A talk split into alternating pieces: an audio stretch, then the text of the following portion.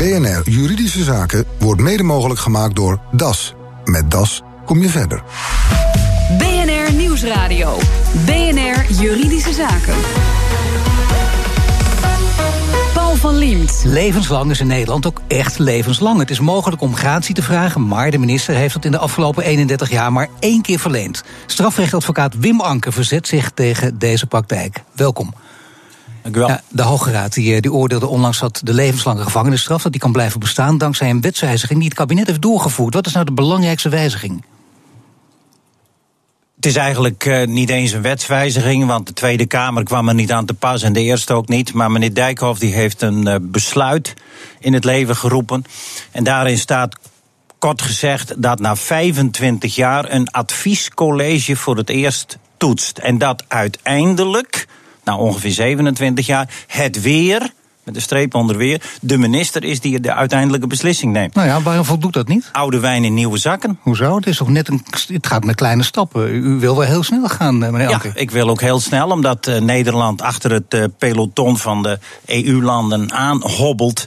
En Nederland niet doet wat het Europese Hof al een hele tijd vraagt. Want het is in het nieuwe systeem van meneer Dijkhoff weer de minister, een politieke figuur, Die een politieke persoon, uiteindelijk, hè? die beslist. En wat hebben we gehad? Vanaf 1986 tot 2017 heeft die minister, diezelfde minister, één keer gratie verleend. Dat was aan Hans van Zon, de Utrechtse seriemoorder, in 1986 en daarna nooit weer. En nu zegt de Hoge Raad, die regeling voldoet.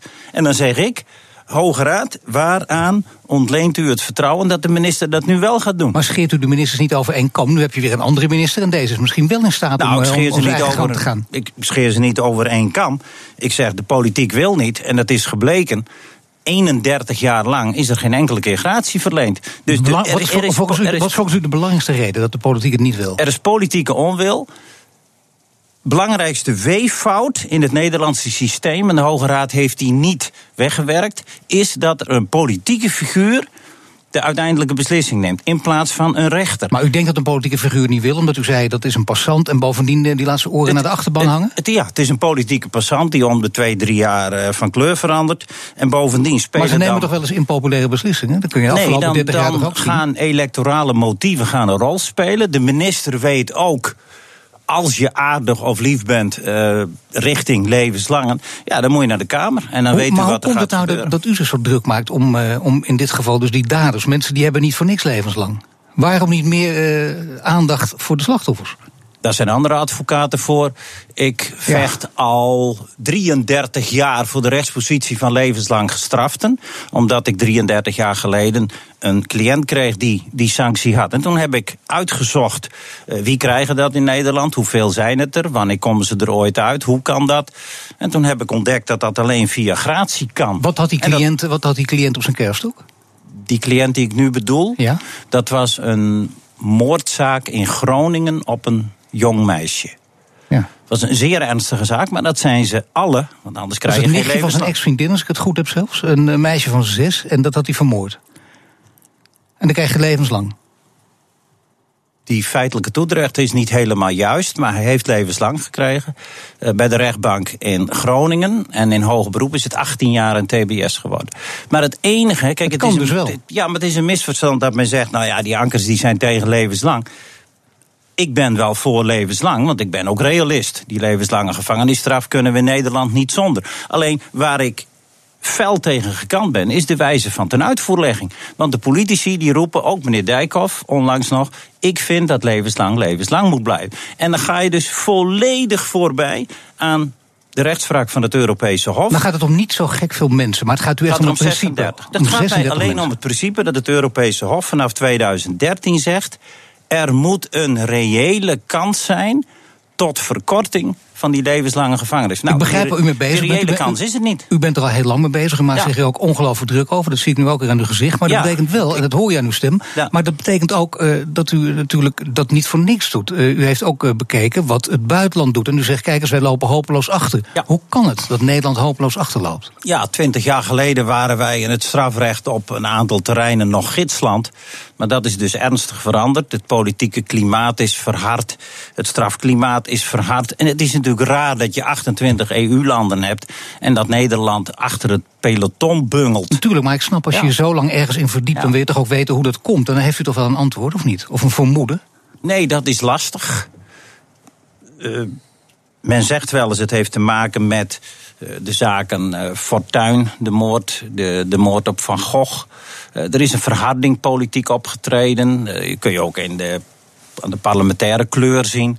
En op dit moment zeggen de meeste politici: levenslang moet levenslang zijn. En dan loop je dus Europees uit de pas. En dan Als het zeg ik, zo'n belangrijke zaken zou je bijna uh, uh, zeggen: ga eens een keer, wat je normaal gesproken niet zou doen, uh, bij je collega strafrechtadvocaten te raden. En misschien uh, ga een actiegroepje vormen met z'n zessen of z'n zevenen. Nou, dat hoeft niet, want ik ben jarenlang een roepende in de woestijn geweest. Maar tien jaar geleden is gelukkig het Forum Levenslang opgericht. En er zitten mensen van allerlei pluimage bij.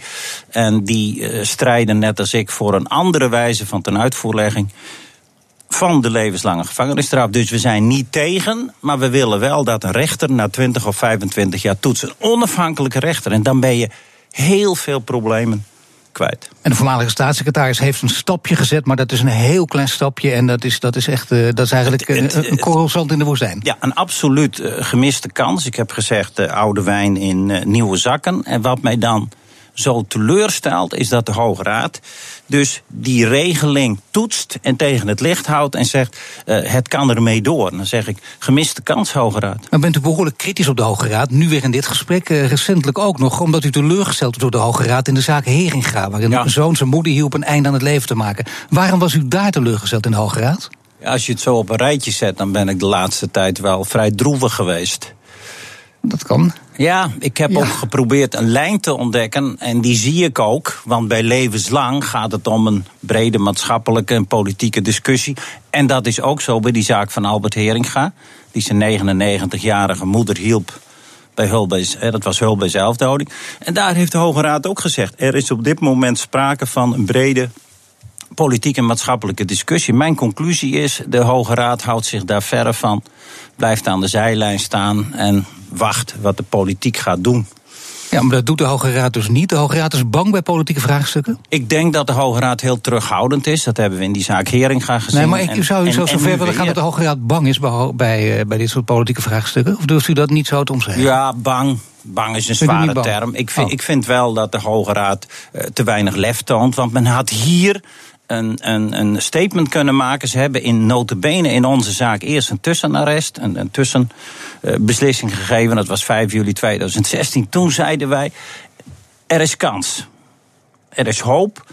Ja, en dan komt men uiteindelijk met de definitieve beslissing. En dan zeg ik, uh, gemiste kans. En als het nou geen gemiste kans was, dan hadden ze natuurlijk een, een, een, heel duidelijk statement kunnen maken. Welk statement dan? Dat hadden ze moeten doen door te zeggen dat de huidige praktijk in Nederland niet uh, conform het Europees verdrag is en de Europese jurisprudentie. En de Hoge Raad had dan kunnen aangeven hoe dat moet worden opgelost. Heel simpel, dat je een rechterlijke instantie na 20 of 25 jaar laat toetsen. Precies zoals het, dat klinkt natuurlijk heel gek, maar op Curaçao is het al zo geregeld. En op Aruba ook. En ik heb die wettekst bekeken. Nou, ik heb geoefend uh, thuis. In 35 ja. seconden schrijf ik hem over. Ja, zo moeilijk is het. Nu heeft niet eens een computer, kun je nagaan. Nee, ik dus dat gaat gewoon met de pen alles met de hand. hand. Ja. ja, dat is knap, hè? Dat is heel knap, ja. ja. Maar toch. Maar ik blijf doorvechten. Ik vind het nogal een uitspraak. Uh, ik begrijp het aan de hand van uw illustraties, maar de Hoge Raad heeft niet genoeg lef. Dat zei u net van politici ook, dat zijn passanten. De Hoge Raad zitten rechters, die kunnen wikken en wegen. Ja. Die kunnen afwegen, die, die, die oordelen aan beide kanten zijn zeer genuanceerd. Als die ook al te weinig lef hebben, nou, dat betekent dat de rechtsstaat onder druk staat. Ja, ik vind dat uh, heel teleurstellend, omdat de Hoge Raad. En maar vijf... vindt u dat, dat de rechtsstaat hiermee onder druk staat? Rechtsstaat onder druk uh, Nou, gaat te ver. Maar de Hoge Raad niet lef genoeg toont. Nee, maar bedoel- ik, ik vind wel op dit specifieke terrein. eh, vind ik het erg. eh, nou ja, erg eh, teleurstellend dat de Hoge Raad genoegen neemt. met wat de staatssecretaris heeft bedacht. En dat. Laten we zeggen, het zijn, ra- zijn rafels aan de randen van de rechtsstaat, tenminste. Ja, want, want eh, er moet gewoon een wet komen. Een wet in formele zin. Waarom laat je hier de Tweede Kamer niet over beslissen? Waarom leg je dit niet voor aan de Eerste Kamer? Waarom niet een wet in formele zin? Waarom een besluit van een staatssecretaris? Er verandert niks in de praktijk. Kijk, iedereen denkt nou, god, ja, Hoge Raad heeft het goedgekeurd. Het zal nu wel beter worden. Nee, ik heb geen enkel vertrouwen erin dat de minister nu wel ja gaat zeggen. En dat heeft niet met deze minister te maken, maar dat heeft met Nee, de dat positie van de minister te dat maken. heeft met het feit te maken dat een politieke figuur de beslissende factor blijft. En ik zeg altijd, ik wijs op de feiten vanaf 1986. Dat was er eentje, Hans van Zon, en verder heeft niemand migratie gekregen. Zometeen legt Wim Anker zich neer bij dat oordeel van de Hoge Raad. Of gaat hij daadwerkelijk actie ondernemen? BNR Nieuwsradio. Juridische Zaken. Strafrechtadvocaat Wim Anker is het niet eens met een vonnis van de Hoge Raad die levenslang levenslang wil laten. Gaat u nog procederen tegen dat vonnis van de Hoge Raad?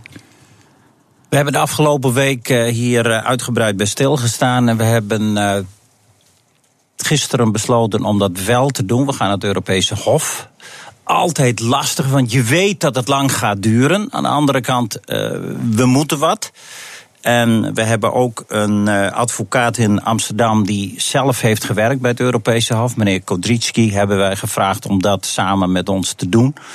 Ehm, U heeft lang geaarzeld, eh, Ja. met name vanwege de lange termijn die dit in acht gaat Ja, nemen. je weet dat het lang duurt. Aan de andere kant, de betrokken heeft ook levenslang. Dus dat eh, moeten we ook wat relativeren. Wij eh, Ja. we willen dit gewoon doen. En aan de andere kant, we zijn ook realistisch. Want het Europese Hof heeft al een paar keer gezegd dat de lidstaten.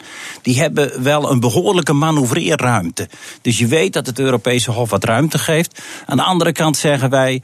En dat gaan we met name het Europese Hof voorleggen. Dat de eerste 25 jaar die de levenslange uitzit. Die eerste 25 jaar zit je gewoon in je hok. Je komt niet een seconde buiten. Je krijgt geen verlof, geen resocialisatie. Zoals wij dat in geval noemen. Helemaal niets. En ik denk dat we daar op dat punt een kans hebben. Maar daarvoor heeft u tenminste een jaar of vijf, eh, zes, zeven, acht, negen, tien voor nodig? Ik denk dat het bij het Europese Hof wel eh, enige tijd duurt. En we moeten natuurlijk kijken. De Nee, maar het komende... heeft echt dit soort termijnen tussen de vijf en tien jaar. Die heb je daarvoor nodig. Ja, bij de procedure bij het Europese Hof niet. Maar we willen ook kijken de komende jaren. Hoe gaat de minister nu beslissen? Is het weer nee, nee, nee? Nee, maar uiteraard, ik bedoel het hele pakket. Maar we, hebben wel u- we hebben wel een jaartje vijf nodig. Ja, dat toch wel. Dat betekent dat u in ieder geval zelf ook van plan bent om zo lang nog door Ja, te ik gaan. ben nog energiek. U bent nog energiek, zeker. Dat, dat horen zien we ook. Nou, nou, Ja, dat zie ik ook. ook, ja. U staat ook nog steeds. Ik had gehoopt, die gaat halverwege zitten, maar niks ervan. Nee, nee, nee. Nee ik blijf gewoon staan. Ik pleit altijd als ik eh, iets wil bepleiten, sta ik. Weet ik. Ga ik nooit zitten en liggen. Dat Nee, dat is echt een, een belangrijk principe in het vak ook. Hè? Ja, dat, mijn eh, broer dat is... maanden en maanden Hans, eruit geweest, tweelingbroer Hans. En die kwam dan krukkend met twee krukken in Alkmaar de zittingszaal binnen. En dan zei de rechter, meneer Anker, gaat u toch alsjeblieft zitten? En toen zei Hans, een strafpleiter pleit altijd staande... met rechte rug en luide stem. En dan En, eh, hing hij half over het spreekgestoelte heen. En hij doet het nog. Hij doet, het, hij doet het nog steeds, maar niet meer eh, de grote zware klussen. Hij, hij doet alleen zaken waarin hij vijf of tien minuten pleit. Ik zou bijna zeggen dat is sowieso jammer, maar het is helemaal jammer omdat uw broer altijd degene was, Hans, die, die, Ja. die, die misschien net iets briljanter nog dan u. Ik hoop niet dat ik u beledig. En die, die Ja, nog iets dat langer dan u. Valt niet helemaal goed deze op. nee, maar ja, de feiten moeten nu eenmaal eh, onder ogen worden gezien. Nee, hij heeft altijd gezegd, ik, ik ga tot mijn tachtigste door. En, Ja, eh, en u dat- niet. nee. U- u zegt altijd, Nee, nou, ik was altijd wat U was van eh, rustiger in de formulering. Eh, maar nu is hij de man die zegt, eh, ja, fysiek loop ik tegen grenzen aan. En eh, Hans zegt, hij heeft, heeft veel pijn, hij is veel sneller moe. Hij heeft gewoon slechte jaren vanaf 2013. En dus hij zegt, nou, ik ga toch, ik ga nog een paar jaar knallen en dan...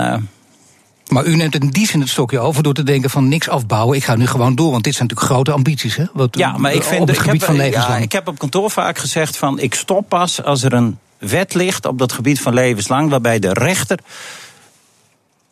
het laatste woord heeft.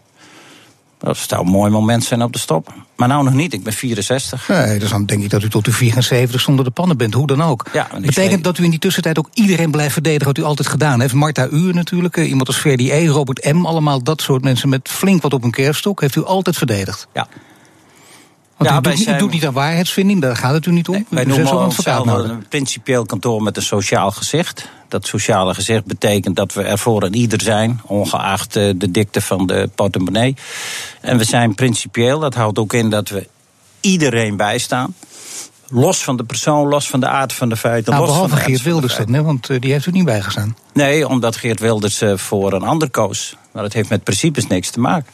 Ja. Wij staan op dit moment ook weer vier, vijf, misschien wel Al had u zes trouwens niet naar buiten mogen brengen. Eh, Vond eh, uw collega confrère Hiddema dat u dat zomaar naar buiten bracht, vond hij niet chic. Vindt u dat achteraf ook niet chic? Had u dat beter niet kunnen nee, vertellen? Dat, dat vond hij niet chic. Maar dan vond moet u je, dat wel chic?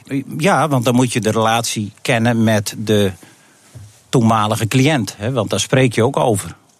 En dat, een, een ander die kan wel heel makkelijk zeggen: ik, ik vind dit of ik vind dat. Maar dat bepaal ik zelf in overleg met de cliënt of de potentiële cliënt. Waarom nam u dan toch de stap om naar buiten te treden en dit te vertellen?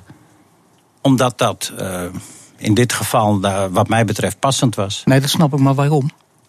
Ja, daar ga ik verder niet op in. Maar je moet ook kijken naar de cliënt. U staat hier nee, onder Ede. Dat, nee, eh, nee, ik sta helemaal zaken. niet onder Ede. Nee, maar kijk, dit is, dit is een kwestie van jaren geleden. En meneer Wilders is toen naar ons kantoor gegaan en naar eh, het kantoor van Bram Moskowitz. Die heeft dat trouwens ontkend, die contacten met ons. Maar dat is natuurlijk heel onnozel.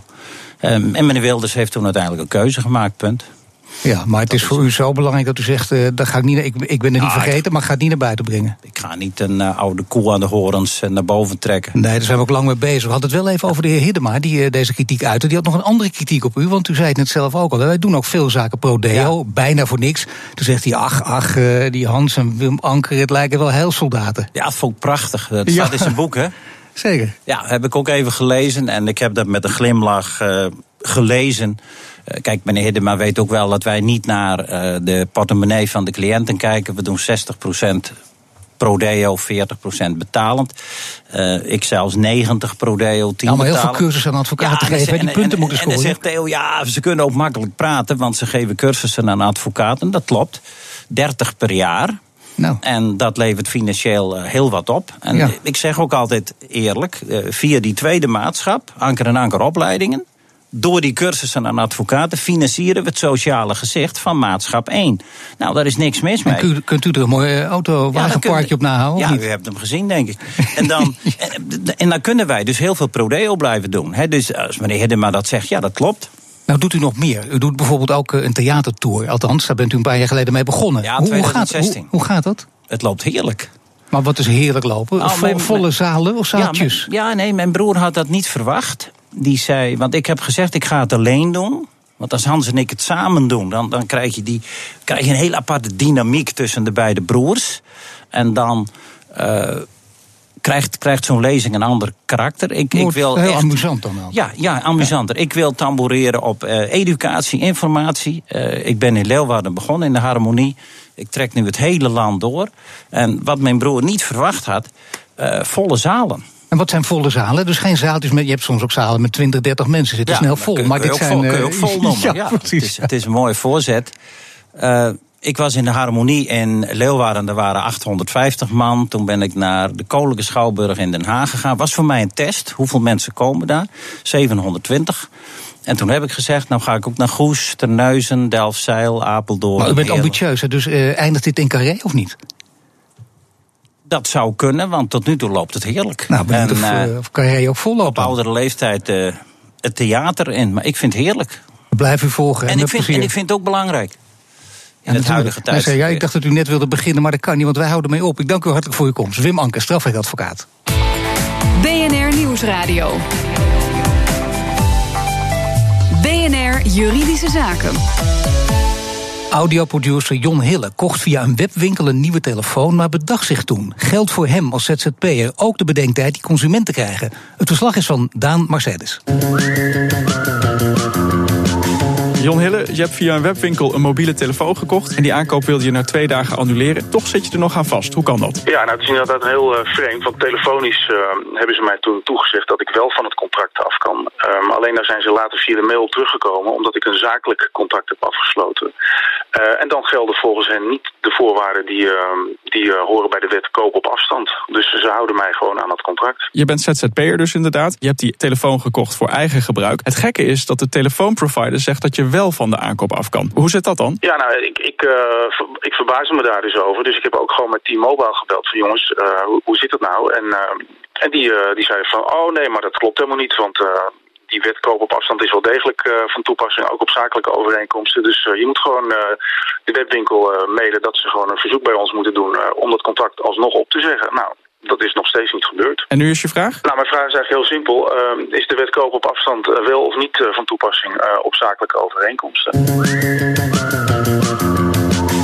Gea Flapper, John Hille heeft een telefoon gekocht met een telefoonabonnement en hij wil daarvan af. Dan geldt het herroepingsrecht. Maar wie kan daar beroep op doen? Ja, uit de wet volgt dat eh, alleen een consument een beroep kan doen op het herroepingsrecht. En dus alleen een consument kan een overeenkomst op afstand zonder opgave van redenen ontbinden. En dat kan hij binnen een termijn van 14 dagen doen. Vanaf de dag dat hij de mobiele telefoon in dit geval zou hebben ontvangen. Ja, nou in dit geval uh, is het een zakelijk abonnement dat gekocht is. Hoe zit het dan? Ik heb inderdaad gezien dat de heer Hille via zijn eenmanszaak um, de overeenkomst is aangegaan uh, met de webwinkel. Uh, in dat geval is hij niet aan te merken als consument. Dus geldt voor hem dat hij geen beroep kan doen op het herroepingsrecht. Dan gelden in dit geval ook nog de algemene voorwaarden natuurlijk van de webwinkel bijvoorbeeld. Wat zeggen die erover? Ik heb gekeken naar de algemene voorwaarden inderdaad. En daar staat ook echt uitdrukkelijk in dat het herroepingsrecht alleen van toepassing is indien de klant een natuurlijk persoon is. En die dus niet handelt in de uitoefening van zijn beroep of bedrijf.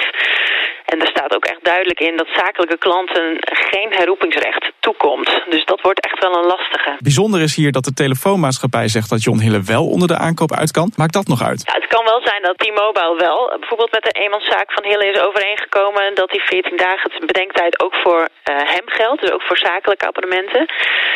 Maar dat zou dan een gunst zijn uh, van, uh, van de telefoonmaatschappij. En het is geen wettelijke verplichting. Want alleen de wettelijke verplichting geldt voor consumenten. En niet voor ZZP'ers of in dit geval voor een eenmanszaak. Wat zou u hem adviseren om nu te doen? Ja, ik zou toch meneer Hille aanraden om in onderhandeling uh, te gaan met GSM Web. Om toch te kijken of zijn eenmanszaak op korte termijn toch nog onder de koop uit kan komen. En wellicht dat hij bijvoorbeeld het zakelijke abonnement kan afkopen. De wet koop op afstand die geldt dus niet voor ZZP'ers of ondernemers met een eenmanszaak, zegt Gea Flappen van AMS Advocaten. Maar misschien dat John Hille er in de onderhandeling met de webwinkel en de telefoonprovider toch nog uitkomt.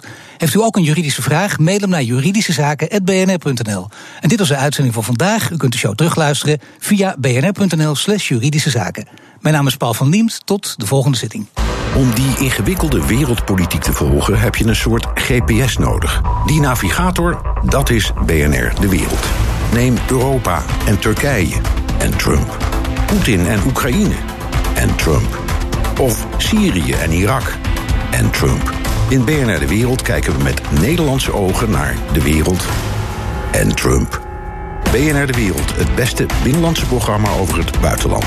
Elke donderdag om 3 uur of luister terug via podcast of de BNR-app. BNR Juridische Zaken wordt mede mogelijk gemaakt door DAS. Met DAS kom je verder.